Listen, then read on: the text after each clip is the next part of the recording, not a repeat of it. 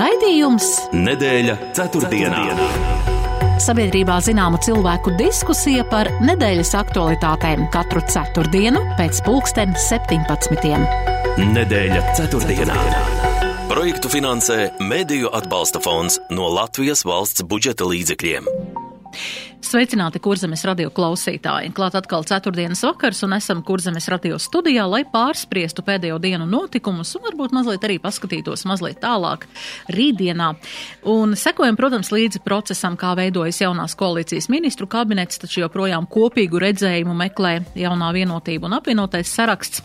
Kuldīgas un Talsu novada pašvaldības ievēlējušas jaunus priekšsēdētājus. Tas arī bija šajā nedēļā, bet Rīgā spriež, piemēram, par jaunu sabiedriskā transporta biļešu biļešu sistēmu. Eh, savukārt Reizeknē šajā nedēļā demontēts padomju piemineklis sauktais Aļoša. Un, um, protams, arī nav iztiks, iztiks šis notikums bez ievērības eh, arī dēļ eh, Reizeknes mēra izteikumiem. Šajā nedēļā Liepājas universitātē notika rektoru vēlēšanas, tās beidzās bez rezultāta, pie tam uzzinājām, ka Liepājas universitāte pievienosies Latvijas universitātei. Bet ārvalstu aktualitātēs dominē informācija par izmaiņām sociālās platformas Twitter vadībā un arī par izmaiņām darbinieku skaitā uzņēmumā Meta. ASV notikušas vidustermiņu vēlēšanas un ASV prezidents Džo Baidens nosauca tās par labu dienu demokrātijai, jo demokrāti šajās vēlēšanās startējuši krietni labāk par gaidīto, savukārt republikāņi varbūt iegūši nelielu vairākumu tikai vienā no abām kongresa palātām. Indonēzijā nākamnedēļ notiks 20 valstu samits, kur piedalīsies Ukrainas prezidents, iespējams attālinātā formātā, bet Krieviju pārstāvēs ārlietu ministrs Sergejs Lavrovs, jo Putina kungs ir izteicies, ka neieradīsies uz šīm sarunām. Un vēl atklājas arī informācija par Irānu, Irānas slepenajām dronu piegādēm Krievijai, kā arī visi, kas joprojām seko līdzi karam Ukrainā, pēdējās burtiski stundās gaida aizvien jaunu informāciju par to, kas šobrīd notiek Hersonā un tās apgabalos, jo vakar Krievijas aizsardzības ministrs deva pavēli atstāt Hersonas teritoriju. Par kādiem notikumiem plašāk šodien sarunāšos ar raidījuma viesiem, un šoreiz raidījumā piedalās Latvijas Universitātes Sociālo un Politisko pētījumu institūta vadošā pētniece Žaneta Ozoliņa. Labdien! un Liepājas Universitātes attīstības direktors Uldis Zupa. Labdien! Labdien! Mēs tiekamies patriotu mēnesī un laikā, kad pie apģērba nesājam arī sarkanbaltu sarkano lentīti, un tā mēs apliecinām, ka atceramies un arī lepojamies ar savu valsti un tās varonīgajiem cīnītājiem. Tātad esam Lāčplēša dienas priekšvakarā. Kā vērtēt mūsu tautas patriotismu šajā laikā, un jā, kā skatāties uz to? Uldi, sākšu ar jums! Jā, ļoti grūti ir izmērīt patriotismu kādos skaitļos. Eh, man uzreiz nāk galvā kādas socioloģiskās aptaujas, bet eh, viennozīmīgi ir skaidrs, ka eh, notikumi Ukrajinā pēc 24. februāra tie noteikti ir atstājuši ietekmi uz šo saikni starp Latvijas iedzīvotājiem un valsti, Latvijas valsti. Es pieļauju, ka ļoti daudz ir aizdomājušies pārdomājuši savas attiecības ar valsti Un e, skatoties uz to, ar kādiem skaitļiem palielinās zemesargu rindas, un, un e, gribas ļoti cerēt, ja, ka šis, šie notikumi ir arī vairojuši, vairojuši patriotismu sajūtu, un arī vairojuši varbūt tādu lielāku uzticēšanos valstī un, un, un tādu lielāku vēlmi arī iestāties par valsti. Jā, Ozolīns kundze, kāds būtu jūsu skatījums uz šo? Es piekrītu, ka tik tiešām pēc 24. februāra, kad mums blakus eh, gandrīz pie robežas kaimiņos plosās karš, tad uh, cilvēki tomēr pamatīgāk un daudzveidīgāk izvērtē uh, savas attiecības ar valsti, savas, savas attiecības ar līdzcilvēkiem. Un varbūt viena otra kāda vērtības šķautne, kas bija piemirsta, rūpēs par ikdienas uh, cenām, pensijām, bērnu laišanu skolā bija piemirstas, bet šobrīd viņas atkal ir uzvirs, uzvirmojušas virspusē. Un patriotismu tik tiešām jau ir ļoti grūti izmērīt, jo uh, ceļoties astoņos no rīta, mēs varbūt gluži nemostamies uh, ar savu personiskā patriotismu izvērtējumu, bet tie ir faktiski nu, tie mūsu ikdienas darbi, ko mēs darām, ko mēs darām godīgi, ko mēs cenšamies darīt pēc labākās sirdsapziņas, lai atstātu aiz sevis uh, nu, tik tiešām kaut ko paliekošu un labu. Un, manuprāt, būtu diezgan aklam iedomāties, ka patriotismu būtība veido uh, iedzīvotāju attiecības ar uh, simts uh, gudrajām galvām Jēkabvielā. Uh, jo sakot šo te teicienu attiecības ar valsti, tas ir valsti, kurā ir sava valoda, himna, karoks, uh, robeža un arī tie cilvēki, kas valstī dzīvo. Tātad patriotismu jēdziens ir ļoti plašs. Jā, pilnīgi noteikti. Un um, rīt, protams, arī būs dažādi pasākumi visā, visā valstī. Un es gribu pieminēt, jā, ka Dienvidu kurzemes novadā rīt tiks iesvētīts jaunais novada karoks. Tas būs tāds īpašs notikums. Ar to mēs arī apsveicam Dienvidu kurzemes novadu. Jā, uh, šis būs arī pirmais tāds arī valsts svētki. Un arī nu, šajā laikā mēs zinām, ka Latvija nu, pārsvarā ir no liela, lielākā skaita atbrīvojusies no dažādiem padomju varu slavinošiem objektiem. Un arī šajā nedēļā, tā, kad tika, tika aizvākt šis saucamais Aļoša Reizeknē, kas bija Reizeknes atbrīvotāju piemineklis. Un um, izskatās, jā, ka mēs, Krievijai tas, nu, protams, nav palicis bez ievērības, un Krievija ir izteikusi Latvijai arī protestu par komunistisko monumentu demontāžu, un arī ir izsaukts mūsu uh, Latvijas vēstnieks Māris Riekstiņš uh, tātad uz pāru pārunām par, šo, par šādiem notikumiem. Jā, kā, kā mums izturēties pret to, kad, nu, patiesībā, jā, nu, paldies Dievam, mēs esam aizvākuši šos, šos objektus no, no, no acu priekšas, bet tomēr, tomēr tas ir tikai tāda fiziska darbība. Bet tomēr tie, kas šo visu ir slavinājuši savā laikā un redz, ka tie ir tiešām nu, bijuši varoņi, kas ir atbrīvojuši it kā mūsu zemi, tomēr viņa atmiņās tas paliek. Un, kā, kā jums šķiet, vai Krievija pie tam ir apsolījusi tādus interesantus tādas darbības, ka Latvijai ir jāuzņemās atbildība par, šo, par šīm naidīgajām darbībām, kā viņi saka, un un arī Krievija saglabā tiesības uz atbildes soļiem, tā skaitā asimetriskiem, kas noteikti Rīgai būs sāpīgi, tā teikt, šajā paziņojumā. Kā vērtēt šādas ozoliņas, kundze, varbūt jūsu viedoklis par šo? Visai, visai tradicionāla un ierasta Krievijas reakcija jo būtu tikai dīvaini iedomāties, ka pēc uh, padomu režīmu pieminekļu novākšanas no Krievijas sekotu slavas vārdu un pateicības vārdi. Ja? Tātad uh, faktiski Krievija, kura visu laiku ir uzstājusi šo pieminiektu saglabāšanu un kur arī pastāvēja šis īpašais līgums par pieminiektu aizsardzību, priekš Krievijas zināmā mērā nu, ir tāds uh, triepiens uh, sejā, bet jāsaka, tas, ko viņi dara Ukrajinā un tas, kā uzvedās šobrīd starptautiskajā vidē, nav vienkārši liekams pat nu, nekādās samērojamās uh, kategorijās. Un Latvija, jāsaka, jau nu pārāk ilgi ir cimperlējusies ar tādām lietām, kuras bija jāatrisina jau 90. gadu sākumā, ja ne pašā sākumā, tad visādā ziņā pēc karaspēka izvākšanas un tuvojoties Eiropas Savienībai un NATO. Šai pagātnē bija vienreiz jāpieliek punkts un vairāk jāskatās nākotnē. Un tas, ka uh, gan uh, nacionālā līmenī, gan pašvaldību līmenī uh, notika šī koķetēšana ar zināmu elektorātu daļu, šobrīd pārvēršas par problēmu un faktiski problēmu tādā pat plašākā mērogā, jo mēs šeit nerunājam tikai par vecākās paudzes cilvēkiem, uh, kuriem vienu vai otru iemeslu dēļ šķiet, ka viņi bija atbrīvotāji, ieliekot pēdiņās bet ir izaugusi arī jauna paudze, kura patiesībā ir pārmantojusi uh, no šīs vecākās paudzes bezmaz vai identisku vērtību sistēmu, kuru viņi turpina atražot. Un gala rezultātā tas pārvēršas par apdraudējumu Latvijas nacionālajai drošībai. Tāpēc tam bija jābūt jau, jau izdarītam sen, bet labāk vēlāk nekā nekad. Jā, pilnīgi noteikti. Uh, Uldi, jūsu viedoklis uh, mēs uzklausīsim pēc reklāmas pauzītes, jo mums pienācis laiks mazai reklāmai. Nedēļa ceturtdienā.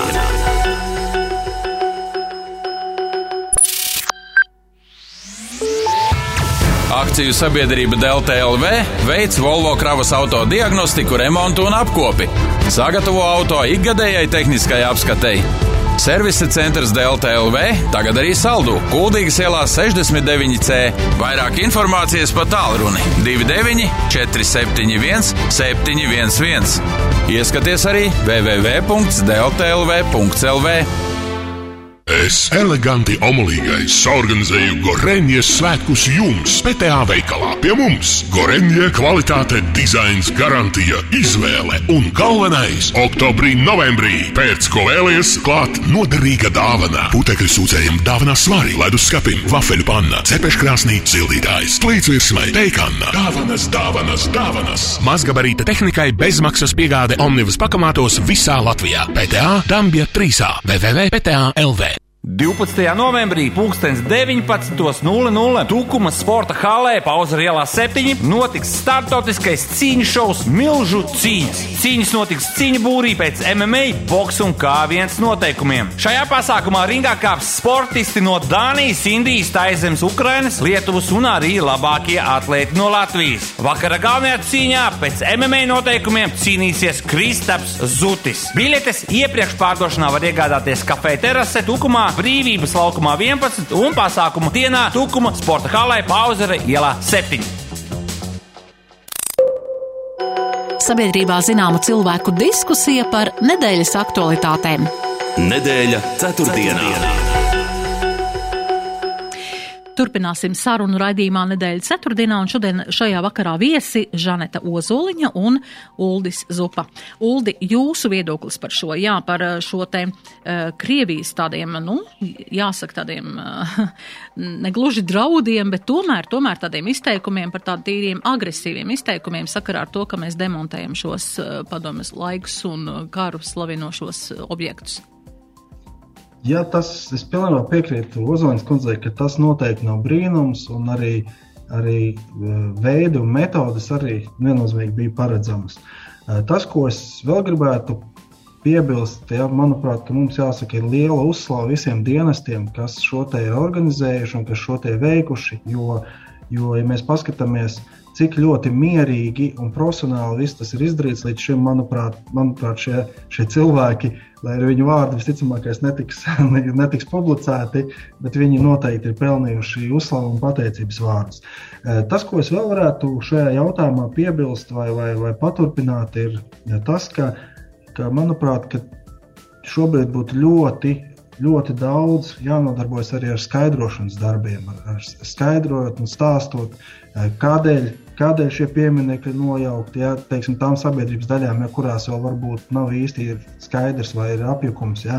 Un, manuprāt, arī būtu nu, jāstrādā, jāsāk strādāt pie nākotnes, vai jāsāk strādāt pie tām lietām, kuras vajadzēja jau sen darīt. Ja, runāt par kaut kādām kopīgām lietām, ja, un kaut arī skaidrot par to pašu, ka teiksim, Latvijas brīvvalsts tika izcīnīta ne tikai ar latviešu rokām, ja, bet šeit piedalījās ļoti daudz tautību cilvēku. Šeit, šis vēsturiskais stāsts, ja, ka, ka viss nesākās ar Otro pasaules karu, kā mums eh, ļoti dažās sabiedrības grupās šeit Latvijā šķiet. Un arī uz barikādēm bija ļoti daudz dažādu tautību cilvēku. Ja, un, un manuprāt, ka mēģinot cens, cen, cenšoties caur šo vēstures prizmu, varbūt stāstīt to, ka kā, kā, kā mēs esam Latvijā nonākuši līdz, līdz šim neatkarības stāstam. Ja? Mēs varam varbūt uzsākt šo, te, šo te kopīgo stāstu nu, nākotnē, teiksim, ejot uz kopīgu, teiksim, tādu vien, daudz vienotāku sabiedrību Latvijā nākotnē. Jā, šajā nedēļā arī nāca tāda ziņa no Globsek. Tātad tas ir startautiskā domnīca tāds uh, nosaukums un viceprezidente um, Aļona Kudsko ir raksturojusi arī šo situāciju, kāda šobrīd ir Krievijā, ka mēs tā kā gribam ieraudzīt kādas, uh, kādas izmaiņas Krievijas iekšienē pašā sabiedrībā, bet uh, ka tas, protams, nav tik viegli izdarāms. Mēs jau zinām šī doma un šī uh, viss šis skatījums uz lietām ir veidojies gadu desmitiem, bet varbūt, jā, varbūt Ozoliņas kundze, jūs varētu no sava skatu punkta tā kā pakomentēt, ko jūs šobrīd redzat procesos, kas notiek Krievijā?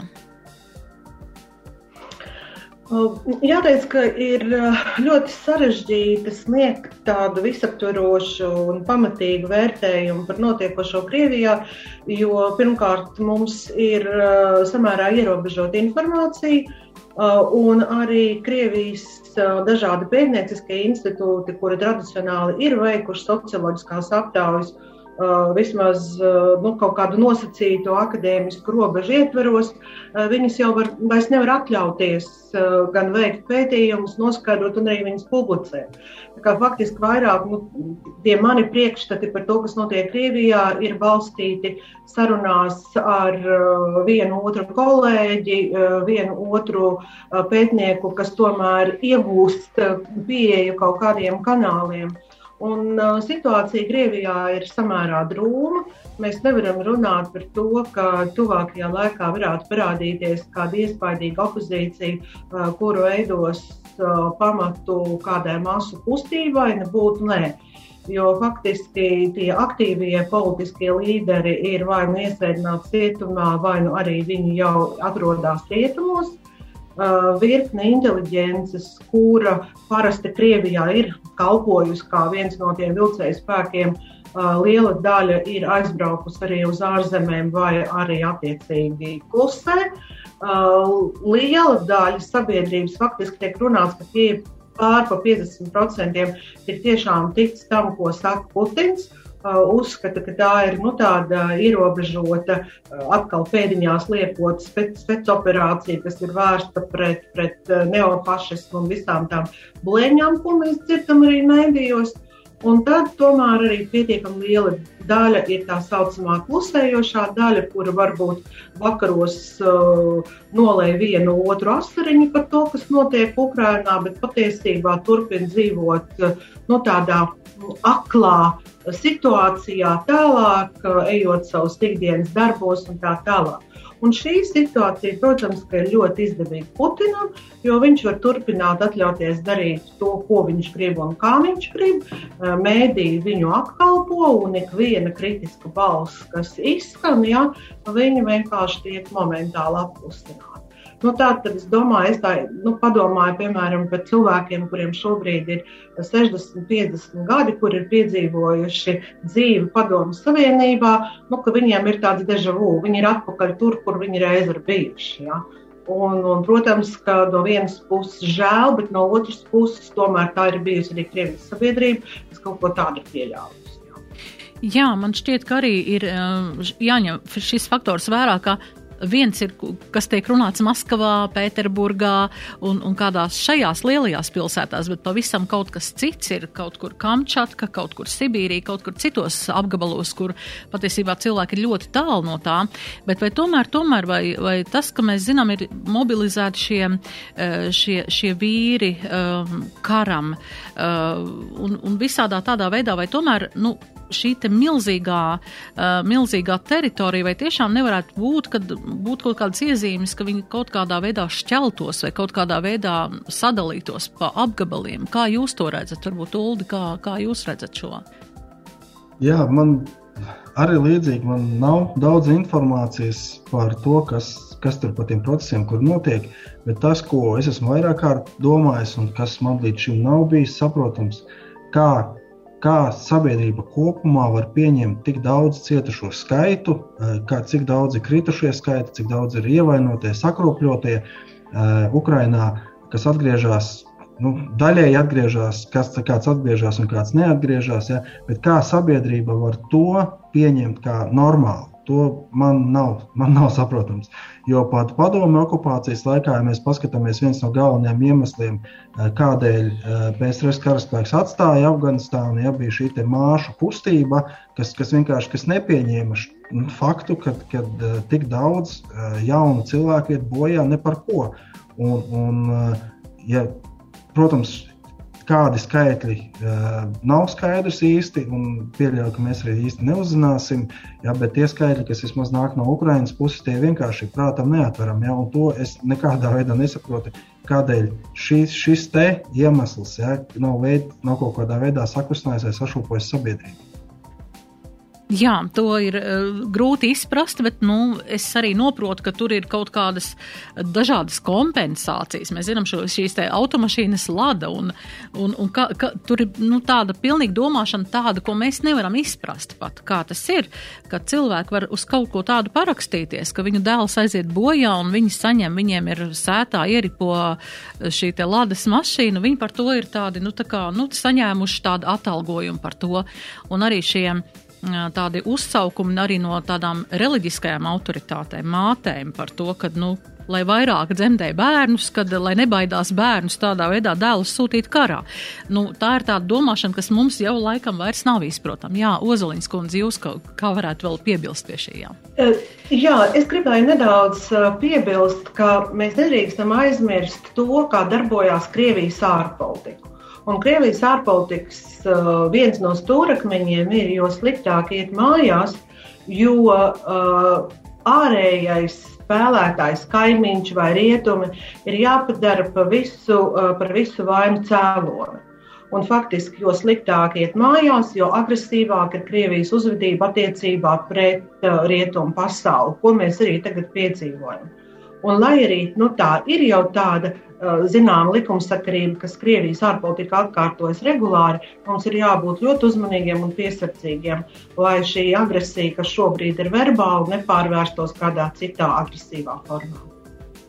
Jā, pilnīgi noteikti. Un eh, šodien bija arī tāda, tāda vēsts par to, par šiem Krievijas teātra izrādēm, ko viņi tā kā, tā kā uzveduši un ko ir paredzēts vairākās lielās pilsētās, tā kā Krievijā rādīt ar nosaukumu pieklājīgie ļaudis, kur reāli uz skatuves tiek izspēlēts tā kā, tā kā tie ir tā kā Ukrainas karavīri, kas saņem tā kā ķilniekus no skatītājiem, un tad kāds aiz, aiz aizkariem tur aizkulisēs tā kā tiek it kā nošauts. Nu, tas, protams, ir teātris, bet tas nenoliedzami strādā uz publiku, un, un, un kā tas tiek viss pasniegts, lai, lai cilvēkos uzturētu šo, šķiet šo naidu pret Ukraiņiem, naidu pret Ukrainas armiju un par to, ka, nu, ka, kā tas viss notiek. Tas ir īstenībā, nu, šī propaganda un viss tas strādā nu, ļoti, ļoti dīvainos veidos. Uldi, kā, vai jūs esat par šo interesējies arī par šādām uh, rīcībām? Es ļoti interesējies, neesmu, bet tās informācijas druskas, kas, kas šad un tad parādās uh, sociālo, īpaši sociālajos tīklos, liek man vismaz spēcīgi aizdomāties par, par to, ka vai viss ir kārtībā ar cilvēkiem, ja, Un tas ir viens, viens, viens, viena no manām pārdomām. Un otra no manām pārdomām ir tāda, tāds prieks par mūsu sabiedrību, prieks par Latviju, to, ka mēs esam šajos 30, 30 gados esam spējuši kaut kādā veidā no tā visa aizvirzīties, neskatoties arī uz to, ka mums ir ļoti daudz dažādu sprunguļu, likt un tā tālāk, un tā tālāk, ka mums šī domāšanas veids vai domāšanas maniera ir, ir, ir mainījusies tādā nu, pozitīvā veidā. Ja? Un tas, teiksim, tas, tas man ļoti priecē, īpaši skatoties uz, uz to, ko, ko nākas redzēt nereti sociālajos tīklos. Jā, eh, bet ir arī šī te, eh, mēs paši redzam, mums ir Daugavpils, mums ir Rēzekne, kur um, atklāti arī pilsētu šie te vadītāji, pašvaldību vadītāji atklāti uh, izsaka savas, uh, savas domas, savu skatījumu mēģinot kaut kādā veidā aizklāties ar kādiem, nu, uh, kādiem izteikumiem vai kaut ko skaidrot, bet mēs nenoliedzam redzam, ka šie ir prokrieviski cilvēki ko mēs, mēs patiesībā tas ir nu, tādas nozīmīgas Latvijas teritorijas, Daugavpils un Reizekne. Ozoliņas kundze, kā jūs vērtējat šo? Nu, protams, ka vērtējums var būt tikai viennozīmīgs, un te nav ko varbūt daudz runāt ja, eh, par, par šo vērtējumu. Bet mm, nu, te ir, protams, tāda nu, es negribētu to saukt par dilemmu, bet tomēr te ir ļoti svarīga arī tāda politiskā izšķiršanās. Uh, tad, kad mēs dzīvojam miera apstākļos, tad, uh, protams, ka demokrātija ir uh, visam pāri stāvošs un arī visam pamatā esošs princips, kur cilvēki brīvās vēlēšanās ievēl savus pārstāvjus, tā skaitā arī pašvaldībās. Ja? Un jūs nevarat šajā konkrētajā brīdī pateikt, ka viņi tur nejauši nokļuvuši. Ja? Aiz viņiem stāv vēlētājs. Un tagad savukārt ir tā manas, mana komentāra otra daļa ka mēs šobrīd nedzīvojam vairs miera apstākļos, un lai arī pie mums nenotiek tādas tiešas militāras agresijas fakts, kā tas ir Ukrainā, bet mēs esam pakļauti arī Krievijas hibrīda draudu plūsmai, mēs esam pakļauti kiberuzbrukumiem, mūsu bankas jau labu laiku, kā ir bijušas ietekmētas, nu, te varētu turpināt vēl un vēl. Ja? Faktiski pēc 24. februāra situācija Latvijas iekšpolitikā ir mainījusies.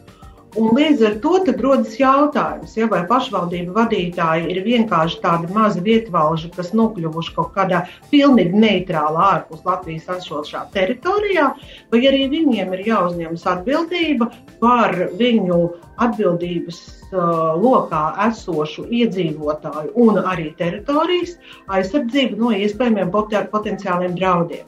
Un, ja viņi tos draudus nesaprot un nespēj analizēt un noteikt, nu, tad, acīm redzot, šajos apstākļos ir jāpieņem arī kaut kādas darbības, kuras, protams, ir jāapstiprina saimai. Tas nevar būt viena ministra uzsaukums, ja? bet ir jāizstrādā arī kaut kāda procedūra, ko darīt šādos apstākļos, ka tu nevari atļauties spēlēties ar demokrātiju vai izmantot demokrātiju savu nedemokrātisko mērķu īstenošanai. Jā, bet interesants arī šis laiks, kad mums ir nu pat ievēlēta jauna saima. Un patiesībā man pat šķiet, ka šis, šis jautājums tiek tādā, tādās aizkulisēs tur kaut kā formēts. Kad patiesībā nu nav īsti, mēs neesam saņēmuši kaut kādus tādus, nu, ziņojums par to. Mums ir plāns, kā ar šādiem cilvēkiem patiesībā tikt galā. Kā viņi var būt uh, pilsētu pašvaldību vadītāji, ja viņu uzskati ir pilnīgi, nu, jāsaka, pret, pretvalstiski? Uldi, kā jums šķiet? Nu, jā, šis, šis ir demokrātijas skaistums un posts.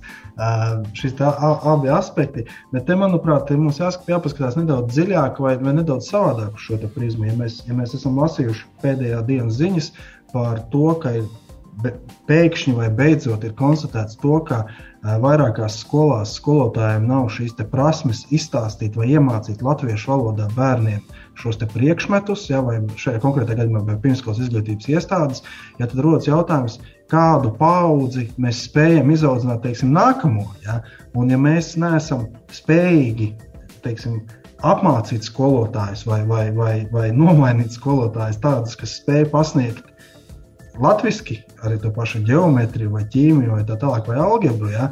Un, un, un nespēja, teiksim, jo, jo gala rezultātā, ja mēs paskatāmies, ja mēs nespējam nodrošināt šo pamatu izglītību, vietējo izglītību pienācīgā līmenī, neskatoties uz tādu, uz kādu valodu, kādā valodā bērns runā ģimenē, ja?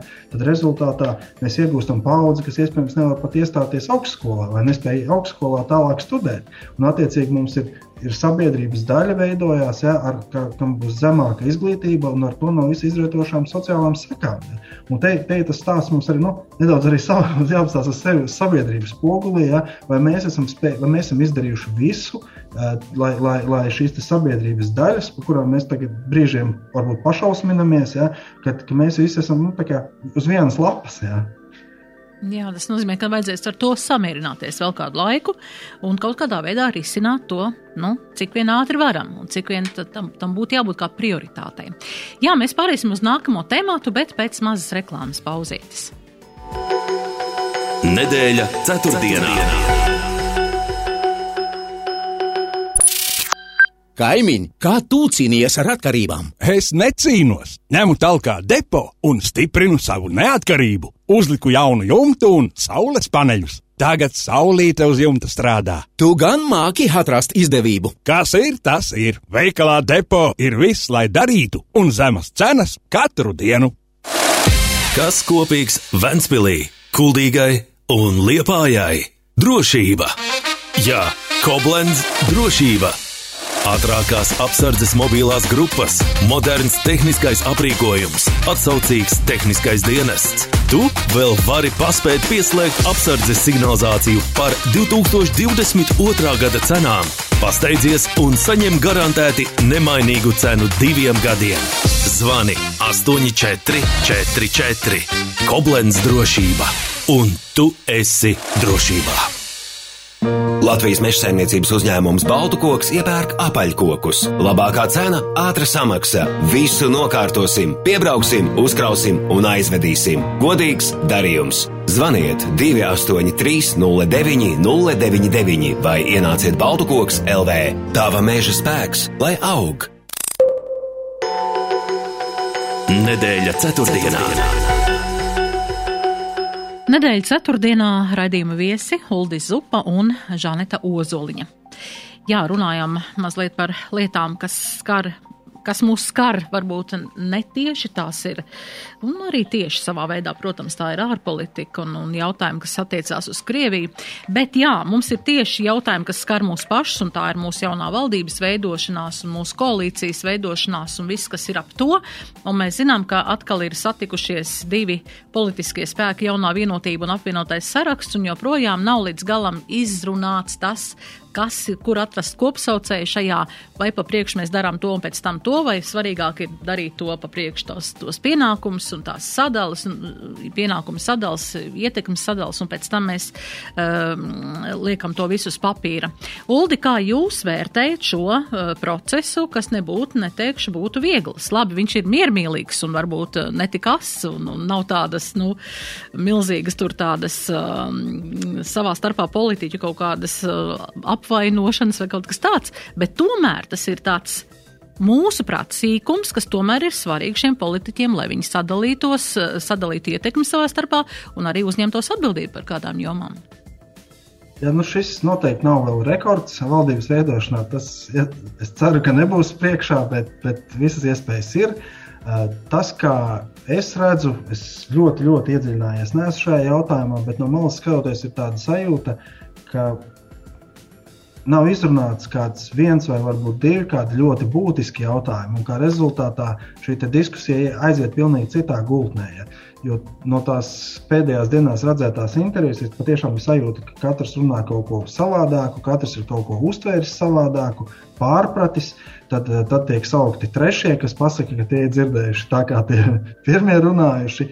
Un, un rezultātā loģiski veidojas šāds, šāds iespējas, ka, ka procesi nenotiek, bet man šķiet, ka tur visticamāk ir kādi, kādi pāris būtiski jautājumi, kas nav izrunāti, vai kuras ietekmes sfēras iespējams nav sadalītas, vai ka ir interese vienai, vienai teiksim, partijai vai partiju apvienībai interese par vienām jomām ir lielāka, otrai par mazākai, ja, un ka šis tests līdz galam nav izrunāts, ir kaut kā diskutējami problēma jautājumi, daži ne tik daudz, kā varbūt parādās, un kā rezultātā arī šis te viss, teiksim tā, rādrītis arī veidojās. Jā, ir eh, tāda arī tāds viedoklis par to, ka Kariņa kungs uzdod jautājumu, kas vispār ir pīlēns šajā visā, pīlēna kungs vai ne, ka viņš jau nav arī, nu, startējis tā kā no sarakstiem, viņš ir tikai, nu, ministru prezidents šis te kandidāts. Vai pīlēna kungam būtu jāpiedalās šajās sarunās, ja viņš nav vēlēts, ja viņš nav bijis sarakstos, lai viņu ievēlētu šajā? Protams, viņa pārti, viņa politiskais spēks ir ievēlēts, kuru arī viņš pārstāv kā ministru prezidenta kandidāts. Varbūt, jā, kā šo vērtējat? jā, nu, ja mēs teiksim, tas, kā es vērtēju, tad labi, viens šis stāsts varbūt par ievēlēts vai neievēlēts, bet ja konkrētais cilvēks ir biedrības vai partijas valdē, tad loģiski, ka viņš ir šīs partijas vai biedrības, biedrības amatpersona. Es neesmu pārbaudījis uzņēmuma reģistra datus, bet pēc manā rīcībā esošās informācijas Pīlēna kungs nav ne, ne tur, ne tur. Tāpēc diezgan loģisks Kariņkunga jautājums ir, ko, ko šis cilvēks dara šajā zālē. Jo, jo protams, arī ja mēs paskatāmies, šis sākotnēji bija. Tie apstākļi bija tādi, ka Pīlēna kungs noteikti sev paziņoja, ka viņš nekandidēšot, vai viņš nebūs šis kandidāts. Un, un tad pēc kāda laika šī retorika mainījās, viņš kļuva par šo ministra prezidenta kandidātu. Ja? Un varbūt iespējams tiek darīts viss iespējamais, lai viņš tāds kļūtu. Kaut gan viņš pats ir paziņojis to, ka viņam neba viņš pēc varas cīnās vai, vai, vai tam līdzīgi. Ja? Tā kā, tā kā, manuprāt, Kariņkunga jautājums ir vietā, bet tas atkal parāda šo, te, šo te stāstu, ka ir kaut kādas pretrunas, tādas kaut kāda būtiska pretruna, kas līdz galam nav izrunāta, kas nav, kuru, kuru vajadzētu atrisināt. Tad iespējams ir mēģ, tik mēģināts caur publisko sarunu ar kaut kādu publisku spiedienu panākt, ka viens vai otrs piekāpjas. Jā, Kariņkungs ir izteicies arī par kādiem citiem modeļiem. Vai jūs to redzat, citus modeļus šajā koalīcijas veidošanā? Nu, es, piemēram, šobrīd nesaskatu, kas varētu būt. Nu, labi, eh, pieaicināt tomēr progresīvos klāt kā ceturto politisko spēku koalīcijā. Bet vai ir kāda vēl varianti? Ozoliņas kundze, kā jūs redzat šo visu no, no malas skatoties? Nu, Zināt, matemātikā es neesmu spēcīga. Ja skolā bija slikta atzīme. Protams, tur mēs varam skaitīt uz priekšu, atpakaļ. Mēs zinām arī to, ka ir tādi gadījumi, ka Uh, vienkārši cilvēki no vienas partijas pāriet uz otru partiju, tādējādi iegūstot vairāk skaitu. Bet man tomēr gribētos uh, mazliet arī pakomentēt to, ko Uldis tikko komentēja par, par valdības veidošanas procesu. Ja? Uh, faktiski nu, man paliek garlaicīgi jau pie otrās minūtes pie visām tām diskusijām, jo viss ir vairāk, nu, tik acīm redzams, ka skaidrāk vairs nevar būt. Ja? Uh, respektīvi, jaunā vienotība skaidrs, kur viņi stāv, Nacionālā apvienība skaidrs, kur viņi stāv, apvienotais saraksts joprojām nesaprot, kur viņš stāv. Ja? Tur ir brīnišķīgi, gudri izglītot, inteliģenti cilvēki, daudz ar ļoti lielu politisko pieredzi. Bet tā ir apvienība, kurā ir trīs politiskās partijas. Un šīm trim politiskām partijām katrai ir savs intereses, un tam visam blakus vai, vai, vai, vai tam visam vēl augšā stāv pīlēns. Ja? Un, un, un tad no šiem četriem nu, tādiem vienas tās, nu, es nosaukšu par partiju, ja, vien, nu, sarvai saraksts, nu, vienalga. Ja, respektīvi, šiem četriem, nu, tajā, tajā vienā ietverā ir jāsadzīvo. Un tad viņi tur stundās un grūstās, un tajā brīdī viņi saka, nu, viņi nāks ar kaut ko jaunu. Ja. Un principā jau, nu, tu, tas, es šodien kā reiz gāju pa ielu un domāju, kā man to raksturot, ja, un braucu garām mašīnu. Un, un tad viņa momentāli tas salīdzinājums bija priekšā. Ja? Tad, kad četri cilvēki iesēžās mašīnā un dodas ceļojumā, ja, mēs visi kopā plānojam. Mēs nospraužam maršrutu, kas tur ņems groziņu līdzi, kas tur dzēramo. Ja? Nu, respektīvi, tas ir tas, ko uh, šobrīd šī apvienotais saraksts stāsta, ka vispirms runājam, kopīga atbildība, ja, un tad Bet jaunā vienotība saka, nu jā, nu brauksim jau mēs tajā vienā mašīnā un mēs tur kopā to maršrutu plānosim. Bet vienam tad pie tās stūres ir jāsēž. Ja? Nu vienam tad būs uz tām bremzēm jāspiež un uz tās gāzes. Un lieta ir tā, ka šobrīd šim apvienotajam sarakstam ir iedots tāds ministrijas, ka neviens negrib to gāzes spiest un neviens negrib to bremzes spiest. Ja? Veselības ministrija, piemēram. Nu, tāpēc sākās stāsts. Nu, tad kolektīva atbildība, ja, un tad, kad pienāks nākamās vēlēšanas, neviens nebūs šofers. Visi būs tikai pīrādziņas ņēmuši līdzi, ja, un limonādes puteles. Tā kā, nu, lai tur izstumtās, lai tur izgrūstās, nu, valdības veidošana vienmēr ir nu, tāds sadarbīgi interesants process. Ja. Es domāju, vienosies, viss būs kārtībā, ja, bet nu, nu, nu, tā tas notiek. Nu, tā ir politika. Jā, tikko uzzināsim personālīs, tā viss ies kaut, kādās tādās sliedēs. Jā, nu, lai izdodas līdz tam nonākt, un, bet mums vēl viens tematiņš ir burtiski pēdējās radījuma minūtēs ir, un mēs esam uzzinājuši, jā, ka Liepājas universitāte pievienojās Latvijas universitātei Uldi. Jūs esat Liepājas universitātes attīstības direktors. Pastāstiet lūdzu sabiedrībai, kas jums tur notiek. Mums notiek ļoti daudz un dažādas lietas.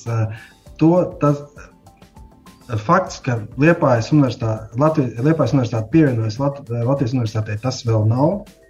Tātad lēmumu, gala lēmumu pieņems dibinātājs. Precīzāk, tas būs ministra kabineta lēmums, kas būs balstīts uz izglītības un zinātnes ministrijas ieteikumu. Šī informācija, kas, kas sasniedza tautas, bija tas, ka šai, šo pirmdienu Liepājas universitātes satversmes sapulce vienbalsīgi lēma par to, ka izvēloties starp praktiski diviem variantiem, vai tālāko ceļu iet kopā ar Rīgas Tehnisko universitāti vai Latvijas universitāti, bija pilnīgi vienbalsīgs par to, ka šis ceļš būtu kopā ejams ar Latvijas universitāti. Un šādu pašu lēmumu pieņēma eh, pagājušā piekdienā pieņēma eh, Liepājas Universitātes senāts.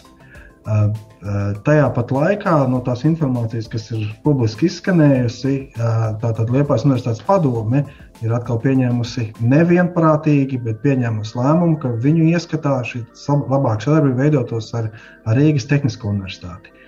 Bet, um, teiksim, tā ieskicējot, uh, ieskicējot vienu vai, vai otru variantu, ir, ir skaidrs, ir tas, ka īstas skaidrības nav, kāds būs gala modelis, kā tas juridiski stāstī, uh, izskatīsies. Bet viennozīmīgi gan mūsu Lietuvas universitātes strateģiskie virzieni ir ļoti līdzīgi ar Latvijas universitātes virzieniem, gan vēsturiski mūsu ciešāka sadarbība, īpaši pētniecībā ar Latvijas universitāti. Tāpat arī programmu nodrošinājums mums ir praktiski identisks kā, kā Latvijas universitātē. Ja? Un, un, un tas fakts, ka, ka Latvijas universitātē ir plaša profila, daudz nozaru universitāte, Un tas, tas sniedz ļoti plašas iespējas tālākajai Liepājas universitātes attīstībai. Jā, eh, es saprotu, ka ieguvumi ir ļoti daudz, vai arī kāds zaudējums no tā, ka Liepājas universitāte pievienojas Latvijas universitātēm. Eh, zaudējumi to ļoti grūti pateikt, jo, jo nav skaidrs ne šis modelis sadarbības, ne kā izskatīsies universitāte pēc tam. Vairāk ir bažas, vai tās bažas ir adresētas gan vienā, uz vienu pusi, gan uz otru pusi. Un tā lielākā bažas ir tāda kļūt apēstiem ja tā teikt, var tautoloģijā izteikties. Ja? Jo, jo fakts ir tāds, ka Lietpājā ir vajadzīga spēcīga universitāte, ir vajadzīga universitāte uz vietas, nevis kāda filiāli. Tas, manuprāt, jau pat nebūtu diskutējams. Ja? Tas ir, tas ir ļoti būtiski lai saglabātu šeit jauniešus, lai šeit attīstītu pētniecību, zinātni, lai, lai, teiksim, lai šeit būtu, lai šeit būtu šī kustība. Ja, jo, jo izņemot vai pārveidojot kaut kādā veidā par filiāli, tas noteikti šeit nebūtu. Ja, bet nu, vismaz no no, no Latvijas universitātes puses noteikti nav izskanējis e, tieši pretēji. Ir šie solījumi atbalstīt un, un, un sniegt visu veidu palīdzību arī pēc kaut kāda e, atvesļošanās fonda saņemšanas e, laika, sniegt šo palīdzību, lai, lai mēs varētu attīstīties. Jā, kad mēs varētu gaidīt kaut kādas jaunākas, labās ziņas par to, kā šis process virzās un Vai būsiet Gro... apēsti vai nebūsiet apēsti? Nē, grūti spriest. grūti spriest. Informācija par, par visu trīs institūciju lēmumiem ir nosūtīta uz Izglītības zinātnes ministriju, cik es zinu. Kāds šīs informācijas tālākais ceļš uz ministru kabinetu man nav zināms. Man nav arī nav zināms, ko Izglītības zinātnes ministrija sniegs priekšā um, ministru kabinetam. Pēc panorāmā izskanējušā sižetā no, no, no, no ministrijas, eh, izglītības zinātnes ministrijas pārstāvja puses bija Stefano kunga, ka tas, eh, kad viņi ņems priekšroku šim padomas lēmumam, kas, manuprāt, atkal šķiet jocīgi, ja, ja, ja, visas, visi fakti saka par labu Latvijas universitātei. Bet tas, protams, tas būs, tas būs izglītības zinātnes ministrijas lēmums, kas ies tālāk. Ja. Kad šis, šī informācija ies tālāk, man nav skaidrs, bet skaidrs ir tas, ka ja tas ir nenotiks viss vienā dienā, ka būs vismaz divi gadi šis pārējais periods, kurā, kurā daudz kas arī noskaidrosies. Jā, paldies par ieskatu. Noteikti tas būs jaunais, cerams, jaunais izglītības ministrs, kur mēs dzirdēsim kādas jaunas, labas ziņas. Jā, paldies jums par dalību raidījumā. Bija interesanti ar jums pārunāt šos notikumus un šīs, šos tematus. Tātad šovakar sarunājos ar Latvijas Universitātes Sociālo un Politisko pētījumu institūtu vadošo pētnieci Žanetu Ozoliņu. Paldies jums! Paldies. Un ar Liepājas Universitātes attīstības direktoru Uldi Zupu. Paldies jums arī, Uldi. Un Paldies. pie skaņu pults bija mana kolēģe Adelīna Anna Ziemele, raidījuma producente Anda Andersone, raidījuma vadījies Daci Blūma un uz tikšanos turpmāk. Raidījums Nedēļa ceturtdienā. ceturtdienā. Sabiedrībā zināma cilvēku diskusija par nedēļas aktualitātēm katru ceturtdienu pēc pulksten 17. Nedēļa ceturtdienā. Projektu finansē Mēdīju atbalsta fonds no Latvijas valsts budžeta līdzekļiem.